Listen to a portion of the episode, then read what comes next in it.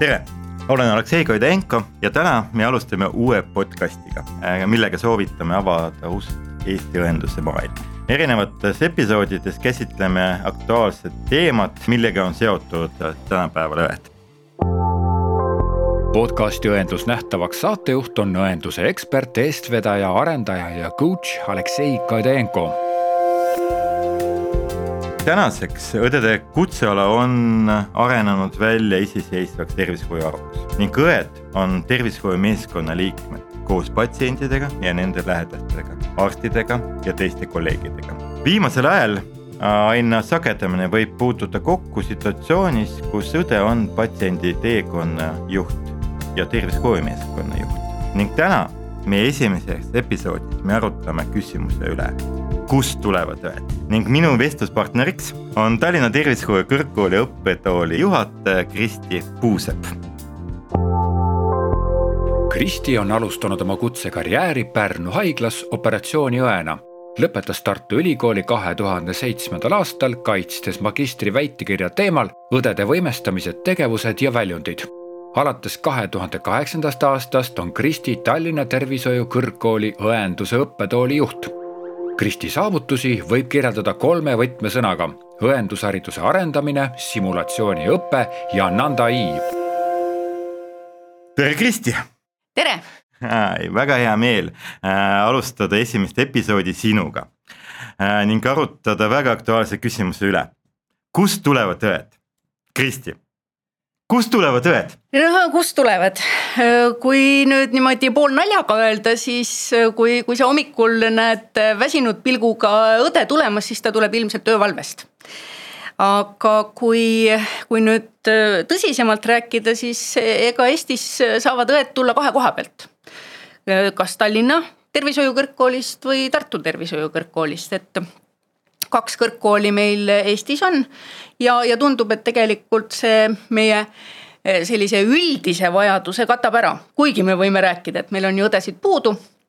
aga eh, noh, me oleme väike riik ja, ja, ja ilmselt kui meil oleks nagu rohkem koole kus õdesid õpetatakse, siis võib-olla natukene läheb ähm, keeruliseks, sest tegelikult meil on ju regionaalsed õpped nii Tallinna Tervishoiu Kõrgkoolil kui, kui ka Tartu Tervishoiu Kõrgkoolil.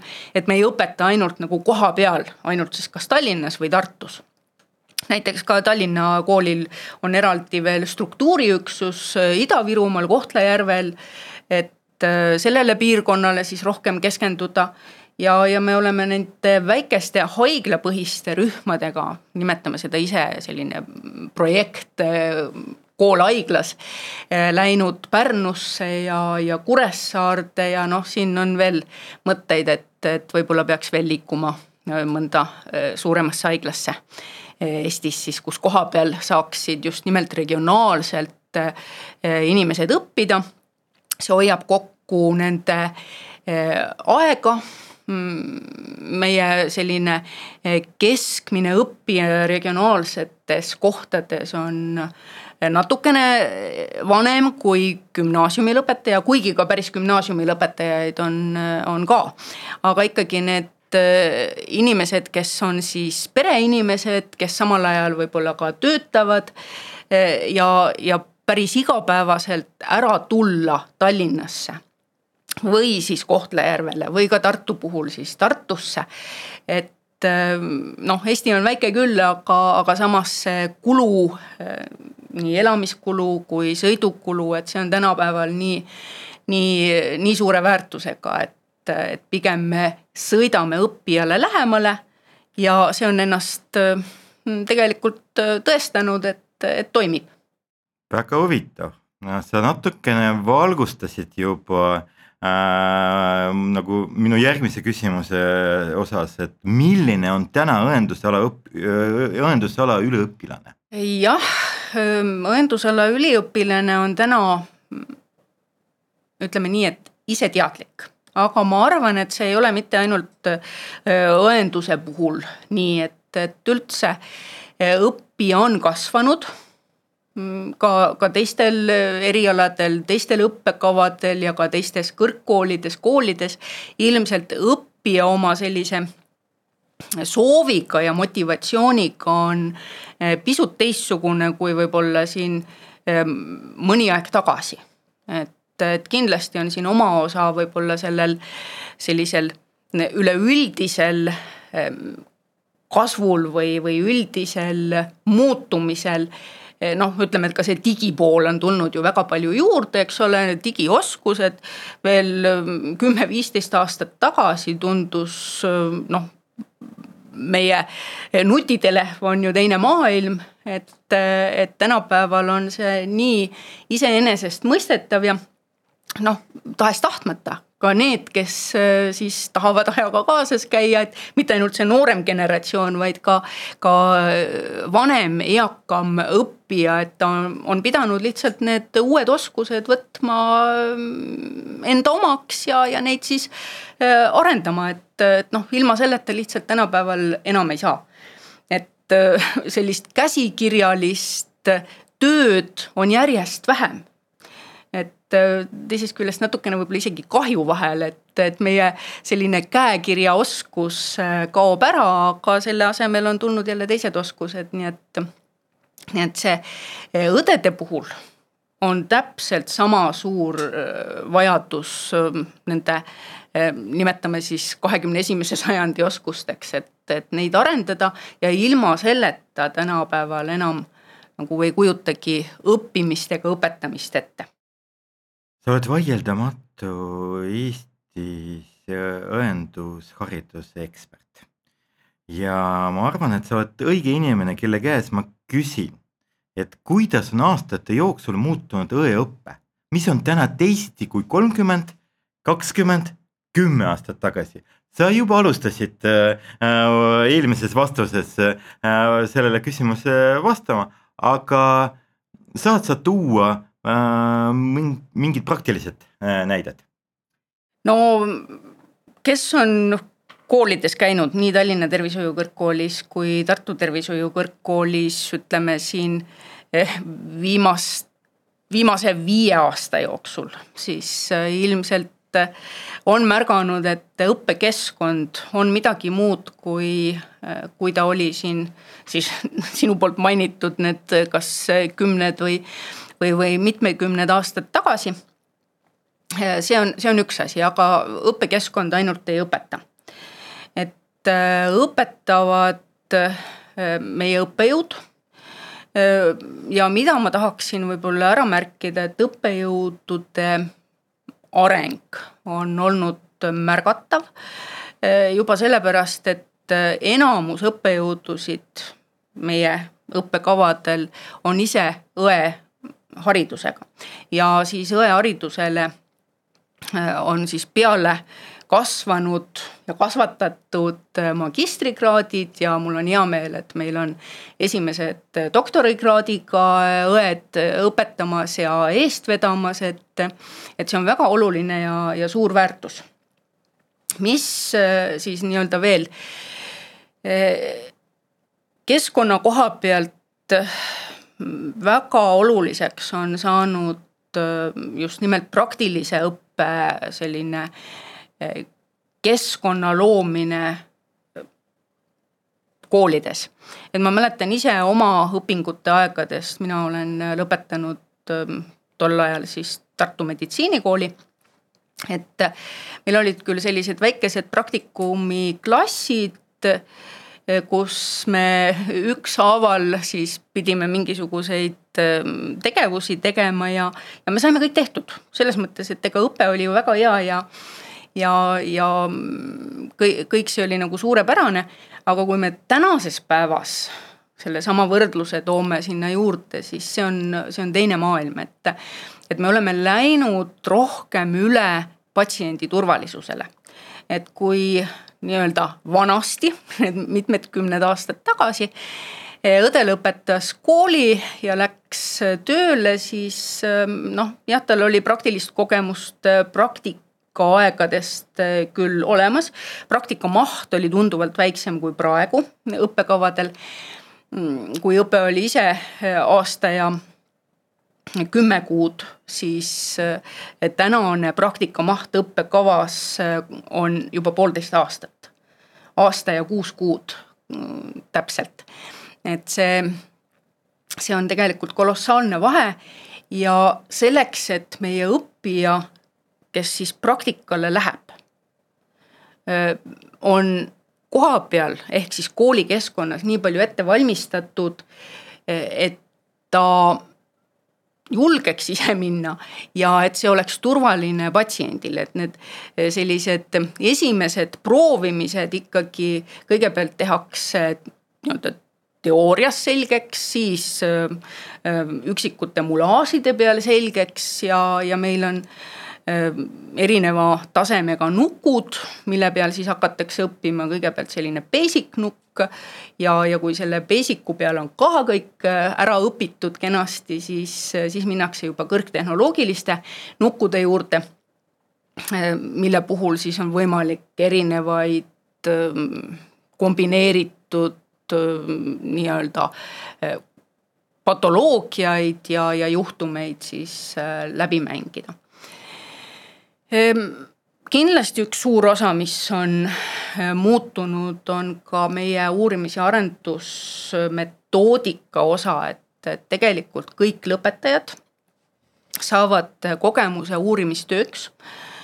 Eh, ja, ja see on eesmärgiga, et arendada tulevikus või leida siis eh, võimalikult lihtsalt ja kergelt äh, ka kõige lihtsamatele küsimustele vastused, et leida äh, uusimast äh, teaduskirjandusest selle teda vaevava probleemile kiiresti vastus. loomulikult ei ole eesmärk see, et kõik meie lõpetajad, lõpetajatest saaksid uurijad või, või teadlased, aga just nimelt, et kuna maailm ja tervishoid ja, ja ka õendus muutub ajas väga kiiresti, siis selleks, et ajaga kaasas käia, lihtsalt tuleb kirjandusel silm peal hoida ja, ja sellega kursis olla no,. ma ei tea, kas ma vastasin su küsimusele. drastilised muutused siiski ja ei, loomulikult ma, ma kuulasin sind ja mul peas oli mitu-mitu mitu äh, nagu äratundmise rõõmu ja hetke, et mõtlesin jess äh,, kõik, mis meie kunagi äh, vaatasime ringi äh,, mis toimub maailmas, kuidas areneb maailmaühendus, et ja, ja mõtlesime, kas meie jõuame kunagi sinna, siis tänapäeval me oleme ikkagi omavahel öeldes äh, võime uhkustada selle üle, et me oleme maailma tipus, me oleme tippude kõrval ja me oleme võrdväärsed partnerid ja, ja, ja me areneme üheskoos koos ja, ja olen ka kuulnud, et meie kolleegid välismaal kadestavad meid, äh, kes on käinud nii Tallinna Tervishoiu Kõrgkoolide koolis kui ka Tartus, äh, vaadates, näha, nähes need äh, õpperuume, võimalusi. Aga ma küsiks sinu käes, et see uus õppevorm nagu simulatsiooniõpe on tegelikult, äh, ta ei ole, ta, ta, ta ei ole pikka, pikka aega on nagu meil olnud, et selline nagu, nagu kaasaegne simulatsiooniõpe, umbes kümme aastat. jah, me alustasime kaks tuhat üksteist äh, selle loomisega ja, ja siis see oli nii-öelda selline tärkav uus äh, võimalus, meetod, sest ega noh, ma arvan, et nii palju tõed, kes Eestis töötavad, kõik Äh, ütlevad, et nad on äh, mingisuguse simulatsioonivahendi peal ise ka õppinud, et äh, mõnikümmend aastat tagasi olid teistsugused vahendid, olidki üksikmulaažid, mille peal siis sai süstimist harjutada või, või veeni punkteerimist. aga tänapäeval on nii-öelda simulatsioonikeskuse mõiste selline laiem ja, ja see ei ole mitte ainult üks või, või mitu ruumi, kus siis on sellised vahendid kõik kokku kogutud ja, ja seal äh, õpetamine toimub, vaid selleks on täiesti eraldi metoodika, äh, õpetamismetoodika ja, ja noh, need vahendid, need on äh, tipp, tipptehnoloogia tegelikult, millega siis tervishoiu valdkonnas simuleeritakse. et äh, mitte ainult tõendus, vaid ka tegelikult arstiteaduses ja, ja meditsiinis, et ka, ka sellised ähm, arstipraksise simulaatorid on olemas, äh, mida, mida väga laialt äh, välismaal kasutatakse.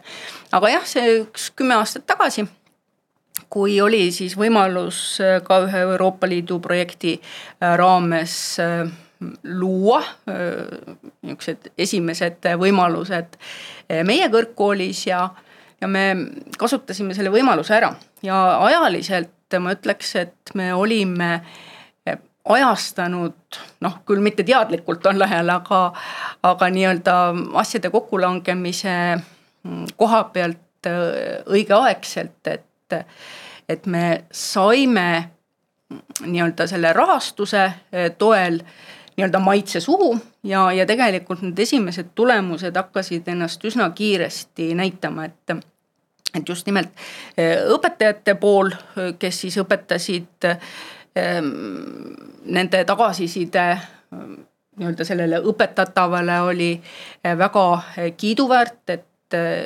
üliõpilased õppisid eh, kiiremini ja, ja see nägemus ja, ja kompleks oli nii palju nagu parem sellest üksikõppimisest siis äh, samamoodi ka see üliõpilaste tagasiside, et kuidas nad tegelikult olid palju motiveeritumad õppima selliste äh, vahenditega, võib-olla küll esialgu, mis oli natukene võõrastav, et et meil on ka äh, salvestusvõimalused ja kaameraga salvestamine, et et see, see võib-olla esialgu tekitas sellist võõristust, et keegi nüüd jälgib ja pärast vaadatakse kõik, mida ma tegin ja äkki ma tegin valesti. aga meie põhimõte ongi ja me oleme ka üliõpilastele seda rääkinud ja seda, seda toonitanud, et see ongi keskkond, kus õpitakse ka eksima. kombatakse neid piire, et kuhu maani on võimalik nii-öelda oma sellise tegevusega minna ja kust maalt see tegevus äh, saab ohtlikuks äh, patsiendile. Et äh, tavaelus, tavapatsiendi peal me seda proovima ei lähe mitte kunagi, aga see on vajalik tunnetus, et kuhumaani ma saan veel kasvõi ka elustamise õppimisega, et, et mismoodi need võtted on, et, et ma teen asju õigesti ilma kahju tekitamata. ja, ja see on nagu selline üks üks kõige olulisemaid äh, väärtusi selle juures olnud. mis siin salata, ma ütleks, et oma vigadest õppimine on üks äh, parimatest võimalustest, kus ta ise, sulle jääb, jääb väga hästi meelde, kui sa oled ise kuskilt äh, eksinud ja eriti pärast oled seda järgi ise vaatanud ja see on, äh, jätab äh, noh, muljet avaldavad, avaldamata nagu selline tunne, et ei, ma enam ei tee sellist viga mitte kunagi, et. jah, ja, ja mis äh, simulatsiooni sellise metoodika või selle õppimise koha pealt veel ka kirjandus ütleb, et et need, kes jälgivad kõrvalt, meil on eraldi debriefing'u ruumid siis, kus on võimalik äh, kaamerate kaudu me tekitame sinna nii-öelda sellele auditooriumile pildi teisest ruumist, äh, kus äh, ühed üliõpilased on siis tegevuses ja teised vaatavad, et. et kui veel mõni aeg tagasi pidi jälgima ja vaatama nii-öelda oma kaaslase eh, üle õla. Eh, noh, ja, ja kui sealt parasjagu midagi näha ei olnud, siis võib-olla oligi vaja vaadata välja, et ah, kas päike paistab ja, ja, ja lõpeks tund kiiremini ära aga nüüd, nüüd ei ole ja nüüd äh, õpitaksegi rohkem võib-olla selle nii-öelda seina pealt, selle, selle pildi järgi. ja see on palju suurema väärtusega jällegi, et äh, esiteks äh, kiiremini ja rohkem üliõpilasi saab nagu korraga sellest osa. väga hea ja simulatsiooniõppe metoodika tänapäeval on tõesti, leiab aina rohkem ja rohkem äh, kasutus erinevates äh, õppeasutuses. Äh, lennuakadeemia õpetab oma dispetšerit, Mereakadeemia õpetab oma lootsmanit simulatsioonikeskuses ja loomulikult ka õenduse üliõpilased saavad simulatsioonikeskuses väga hea kogemuse aga edasi minnes äh, õppekavaga, siis mul oleks küsimus äh, ühe instrumendi, äh, mida tegelikult sina oled, mina leian, võtnud, toonud õppekavasse ja, ja, ja see on suur-suur saavutus. ma julgen öelda, su isiklik saavutus, et ähm, ja, ja et õppekava toetub standarditud tõenduskeelele ehk kolm N-ile äh, ja kolm N klassi, õendusabi klassifikaatore, õendusdiagnoosid, õendustulemused, õendussekkumised. et mis ajendas sind need õppetööks kasutusele võtma? no eks see ikka nandast hakkas. Eh, Nanda i siis, eh, kui täpsemini öelda, i tähendab seal lõpus ehm, rahvusvahelistumist ja, ja, ja rahvusvahelist eh, klassifikaatorit. et mis on kasutusel tegelikult tänaseks juba ikkagi üle maailma, et kui me ütleme, et Ameerikast on see alguse saanud, siis tegelikult ringiga on ta üle mandrite läinud ja, ja kuni Jaapanini välja, et et seda on tõlgitud nii hiina keelde kui, kui siis ka jaapani keelde, rääkimata siin sellised suured keeled nagu eh, portugali keel ja, ja, ja noh, sealt Brasiilia, eh, terve suur riik, eh, kes, kes kasutab, aga järjest enam ka Euroopa riigid ikkagi on võtnud endale selle äh, Nanda äh, aluseks, et äh, terviksüsteemina kolm N-i siis tulemused ja, ja, ja sekkumised sinna juurde. Neid riike võib-olla on Euroopas vähem, kui nüüd Nandat kasutatakse, mitte et neid ei ole, aga aga Nandast jah, kõik sai alguse ja tegelikult ma arvan, et sa ise olid nagu rohkem selle, selle alguse juures, et mina sattusin äh, tervishoiu kõrgkooli tulles lihtsalt juba äh, ühe äh, otsustatud asja juurde. Ja, ja, ja see, see asi oli tegelikult siis, et Eesti võtab endale õenduse aluseks või õendusõpetuse aluseks ja ka siis töö aluseks Nanda klassifikaatori, õendusdiagnoosid siis täpsemalt ja kuna need diagnoosid olid inglise keeles, siis oli vaja seda mm, tõlkida. ja selleks, et, et saada see eesti keelde, siis mitte lihtsalt niisama tõlkida, et tõlgime ära vaid äh, üle kolme aasta siis nõnda annab ise välja uue versiooni mm, diagnoosidest. ja, ja neid raamatuid äh, on tänaseks, nõnda saab muideks järgmisel aastal viiekümne aastaseks suur, suur juubelikonverents toimub järgmine mm, suvi.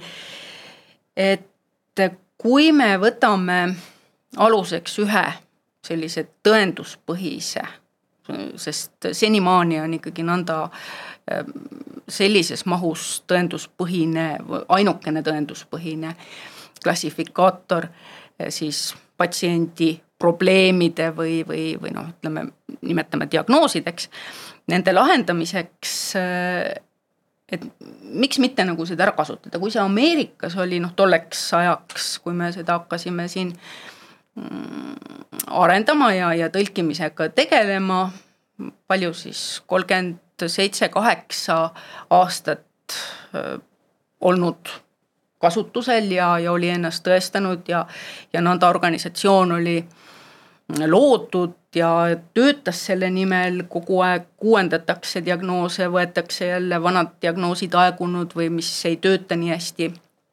maha ja, ja uusi diagnoose eh, tuleb siis juurde, sellepärast ka need uued eh, versioonid eh, nii-öelda kolme aasta tagant mm, avaldatakse. ja, ja meil oli vaja jah tõlkima hakata. Nii et selle tõlkimise alguse juures äh, tõepoolest ma olin niisuguse ka mm, nagu võib-olla mitte äh, ise esialgu oma teadliku valiku koha pealt, aga kuna seda oli vaja tegema hakata, siis tuli, tuli hakata tegema ja, ja tänaseks on tõesti olnud see nagu selline äh, üks asi, millega ma olen nüüd üle kümne aasta tegelenud ja, ja kohe-kohe me siin juulikuus räägime, et Äh, selle kuu sees, ma loodan, et tuleb meil trükisoe uus nõnda versioon siis eestikeelne äh, lisaks nendele eelnevatele välja. Palju õnne, Kristi, sellepärast see on suurepärane töö, mida sa, kel noh, kus sa eestvedaja oled ja, ja, ja, ja tõesti jah, ma tänan, et sa äh, tõid ka mind mängu, et äh, sest äh, tõesti sai otsustatud, et nõnda võetakse õppetöö aluseks ja, ja, ja põhimõtteliselt otsuse me langetasime kahe põhimõtte järgi, esiteks on see, et tõenduspõhine klassifikaator ja teine on see, et Eesti ühendus vajas äh, niinimetatult standarditud äh, klassifikaatori. Ja äh, kui me otsustasime seda üle viieteist aasta tagasi, kui mitte rohkem, siis tegelikult täna, alles täna äh, on karjuv vajadus standarditud asjade järgi, kui me räägime digimaailmast, kus me räägime, et tänapäeval on äh,, me ei kasuta niimoodi äh,, me ei kirjuta õenduslood pikalt vaba tekstina, meil ei ole sellega mitte midagi teha, kuna seda ei ole võimalik analüüsida ja, ja, ja, ja, ja nii edasi. Ja me peame need klassifikaatorid võtma kasutusse, siis äh, tõesti see on väga hea, et äh, tervishoiu kõrgkoolid ka kasutavad seda oma õppetöös. aga mm, võib-olla selline kolmas äh, teema, mida ma võtaks tänapäeva, tänase äh, episoodile on äh,, kuidas sa oled rahul tänase praktika õppevõimalustega? jah, nii nagu ma eelnevalt ka ütlesin, et praktika maht õppekavades on on suur. ja kolme ja poole aastase ähm, õppe jooksul siis lausa poolteist aastat on meie üliõpilane praktikabaasis. enamus praktikaid küll on äh, statsionaaris ehk siis haiglapraktikad, aga mitte ainult, et järjest tuleb juurde ju ja mille osatähtsus ka suureneb, on, on ähm, eriarstid ja on ähm, esmatasand oma äh, perearstisüsteemiga, kuhu ka järjest rohkem on ju õdesid äh, juurde vaja. ja, ja neid praksiseid tuleb juurde ja, ja keskuseid tuleb juurde ja, ja üldse ka erapraksist tuleb väga palju juurde, et et tegelikult kõik need on potentsiaalselt meie äh, praktikabaasid, muidugi ega praktikabaasiks ka nii hopsti ei saa, et, et seal on omad tingimused ja, ja peab olema juhendaja ka motiveeritud ja me eeldame, et ka juhendaja on läbinud juhendajate koolituse. et kõik need tingimused tuleb siis ka eelnevalt praktika baasil ära täita. kui sa nüüd küsid, et kuidas ma olen rahul siis ma olen tegelikult väga hästi rahul, et nii nagu koolid on arenenud oma keskkonnaga, on arenenud ka ma ütleks, et ikkagi täna, tänaseks kõik Eesti haiglad. ja, ja mitte ainult haiglad, et ka äh, hoolekandesüsteem, kus siis ka meie esimesi praktikaid tihtipeale äh, tehakse. ja, ja ka seal on nii tublid äh, juhendajad kui ka see keskkond on selline, mis mis ikkagi võimaldab meie üliõpilasel õppida praktikabaasis, sest eesmärk on ju minna praktikabaasi ka õppima, ega see ei ole lihtsalt niisugune äh, üks kohustuslik osa, vaid tal on äh, eesmärk just nimelt äh, õpetada või juhendaja käe all siis nii-öelda neid esimesi samme koos patsiendiga astuda, et, et ähm, olen rahul, väga rahul. Jah, et siin koha peal mina, olles ka pikalt äh, ka haiglas tööl ja arutades õdedega äh, praktika küsimusi, olen alati öelnud, et äh, praktikandid on meie õdede nägu. et nii nagu õed neid õpetavad haiglas, sellised nad endale kolleege saavad. Ja siin koha peal äh, see kool toetab arengut, aga haiglas kõik need praktilised oskused ja teadmised see üliõpilane kinnitab ja oma, oma igapäevase praktika äh, käigus. ja, ja, ja siin me peame neid rohkem usaldama, toetama ja arvestades, et äh, maailmas on circa neli, neli miljoni õde puudu ja Eesti uuringute järgi on puudu umbes Eestis neli tuhat õde, siis äh, mis sa arvad, kuidas me saame täita seda musta auku? hea küsimus, jah ehm, noh, see on selline miljoni dollari asi, et kui, kui nüüd teaks õiget vastust, siis, siis oleks probleem lahendatud, on ju. aga ega siin on ikkagi selline mitmetahuline see pool, et see ei ole ainult, et tervishoiukõrgkoolid õpetaks rohkem. et meie uus konsensuslepe näeb ette kuni seitsmesajani tõusu siin lähiaastatel siis koos Tartu kooliga seitsesada üliõpilast võetakse aastas jah, jah, õppima. just, et seitsesada üliõpilast ühes aastas õppima ja ega meie väljalangevus on suhteliselt väike siin seitse-kaheksa protsenti. et, et võrreldes olen kuulnud mõningaid õppekavasid, kes nurisevad selle peale või et nende mm, õppijad kas siis leiavad äh, töö õppimise ajal ja, ja lahkuvad ja leiavad siis nii-öelda nagu kiirema viisi teenima hakkamiseks, siis äh, õdede puhul jah, ikkagi meil äh, enamus õppima tulijaid jõuab ka diplomini.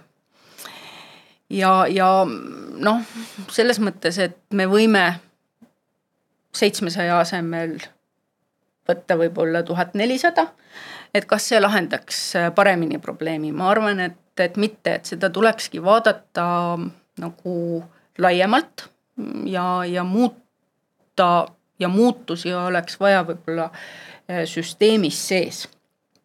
et ka siin erinevate eh, kutsealade, kes siis tervishoius töötavad, eh, võib-olla nende rollide ja, ja nende vastutus piiride selline natukene liigutamine ühele poole ja teisele poole ja, ja, ja võib-olla on ala kasutatud meil hooldustöötajate selline potentsiaal, et, et enamus või ütleme ikkagi väga paljud ja, ja suur, suur enamus on läbinud ka koolituse hooldajatest, et, et mitte ainult siis mingi täienduskoolituse, vaid päris statsionaarse õppe. ka meie Eh, kõrgkoolis on, õpivad ka hooldustöötajad, aga neid õpi, õpetatakse ka veel teistes eh, kutsekoolides ja, ja ka Tartu koolis ja, ja ühesõnaga õpe on tegelikult üle Eesti. Ja, ja ikkagi paljud hooldustöötajad on juba nii-öelda ka läbinud selle ja, ja on tunnistusega hooldustöötaja. et tema selline võimekus ähm, patsienti abistada on minu arvates äh, tunduvalt laiem, kui me seda täna võib-olla ära kasutame. Äh, samamoodi ka õdede äh, võimekus võiks olla siis ülespoole suurem, me oleme siin aastaid tegelikult näiteks piiratud retsepti kirjutamise õigust taodelnud, tahtnud, leidnud, et õed võiksid seda omada nii nagu ka ämmaemandat, et ämmaemandate õpe on neli ja pool aastat, õdede õpe on kolm ja pool aastat, aasta on vahe. et ämmaemandad piiratud retsepti kirjutamise õiguse oma stuudiumi lõpuks saavad. õed seda ei saa. no siis hakkasime taotlema seda, et äkki läbi magistri, terviseteaduse magistri õppekava on meil ka Äh, mis on poolteist aastat. nii et kokku siis äh, magistrikraadiga õde on äh, õppinud viis aastat. nii et sinna, sinna sellesse õppekavasse me oleme isegi sellise aine sisse viinud, mis on sisult sama nagu on Ravimiameti ja Tartu Ülikooli poolt siis koostatud selline pereõdedele retsepti kirjutamise mm, kursus. et ta on isegi natukene suurema mahuga, eh, siis meie õppekavades, ka Tartus on see, see magistriõppekava. aga jah, me nüüd öö, oleme lõpusirgel ja, ja loodame, et see eelnõu oma seadusega saab siis ka valitsuse jõustub esimesest, esimesest juulist tõsi jah ja., aga esimene juuli on läbi meil. Äh, jah, aga tähendab selles mõttes ette, tervishoiuteenuse korraldamise seadus äh, viima-, viimases redaktsioonis on see äh, piiratud retseptiõigus on antud magistri, ter-, magistrantidele, kes lõpetasid kooli alates aastast kaks tuhat kümmend, kakskümmend, jah kaheksateist. kes astus, kes alustasid oma õpingut kaheksateist, just.